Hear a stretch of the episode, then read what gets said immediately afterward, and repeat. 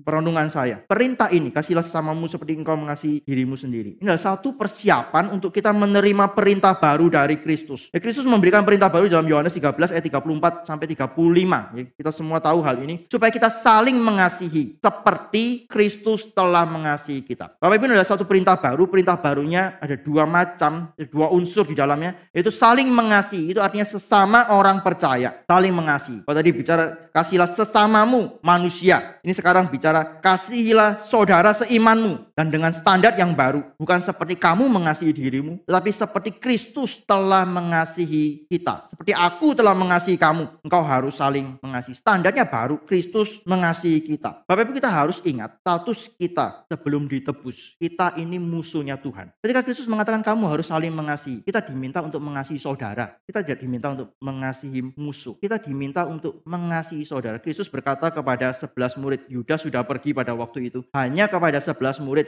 Yesus mengatakan, engkau saling mengasihi. Seperti aku telah mengasihi engkau. Kristus memerintahkan supaya kita mengasihi saudara seiman kita. Tapi kita harus tahu, Kristus mengasihi kita ketika kita masih memusuhi dia. Ketika Kristus mengasihi kita, ketika kita masih memusuhi dia. Saya teringat bahwa Kristus sendiri pernah memberikan perintah supaya kita mengasihi musuh. Mengasihi musuh dalam bentuk apa? Mendoakan dia, mengampuni dia, mengharapkan yang baik bagi dia mendoakan, mengampuni musuh kita, mengha mengharapkan yang baik bagi orang yang memusuhi kita. Itu adalah perintah Kristus untuk kita mengasihi musuh. Tapi saya tidak menemukan di dalam kitab suci, setahu saya, kalau Bapak Ibu ada yang menemukan tolong kasih tahu saya. Kristus tidak pernah memerintahkan supaya kita mengasihi musuh dengan standar Kristus mengasihi kita. Seperti aku mengasihi kamu, kasihilah musuhmu. Saya nggak ketemu Bapak Ibu. Kalau Bapak Ibu nemu tolong kasih tahu saya ya. Kristus tidak memberikan perintah yang demikian. Kristus tidak memerintahkan kita untuk mengasihi musuh musuh kita seperti Kristus telah mengasihi kita. Tapi perhatikan, Kristus mati bagi kita ketika kita masih musuh. Kenapa saya mengatakan hal ini? Bapak Ibu kita harus tahu satu hal. Kalau kita adalah musuh Kristus, kita memusuhi Kristus sebelum kita ditebus. Tapi Kristus rela mati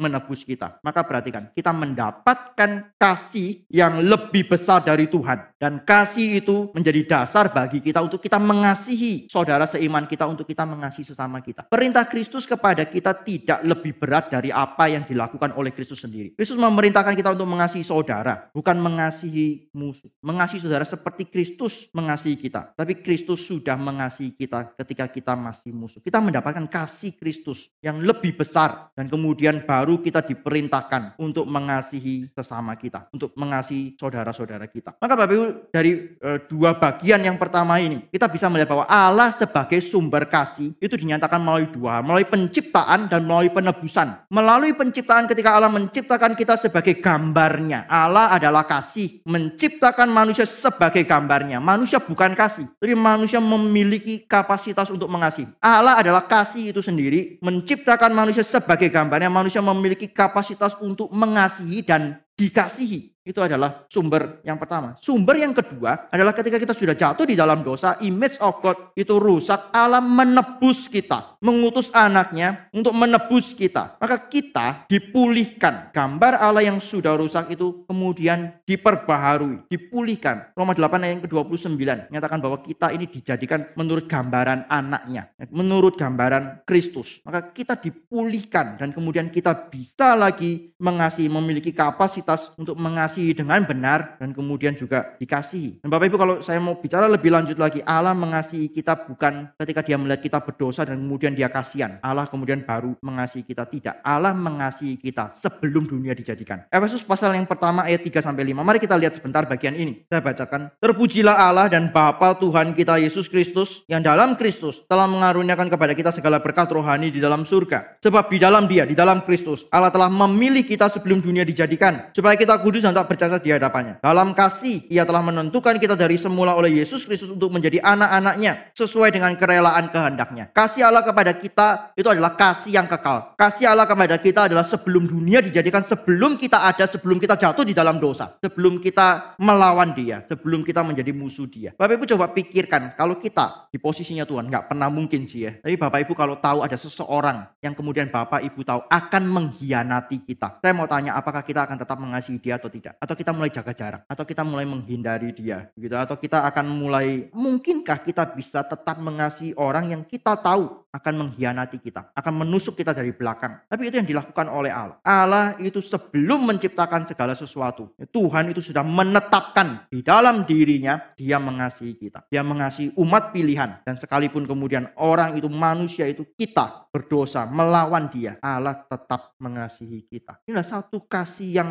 kekal. Allah adalah sumber kasih dan Allah menyatakan itu di dalam penciptaan, Allah menyatakan itu di dalam penebusan kita orang-orang. Kalau kita adalah orang-orang ditebus, kita adalah orang-orang yang mengalami kasih Tuhan.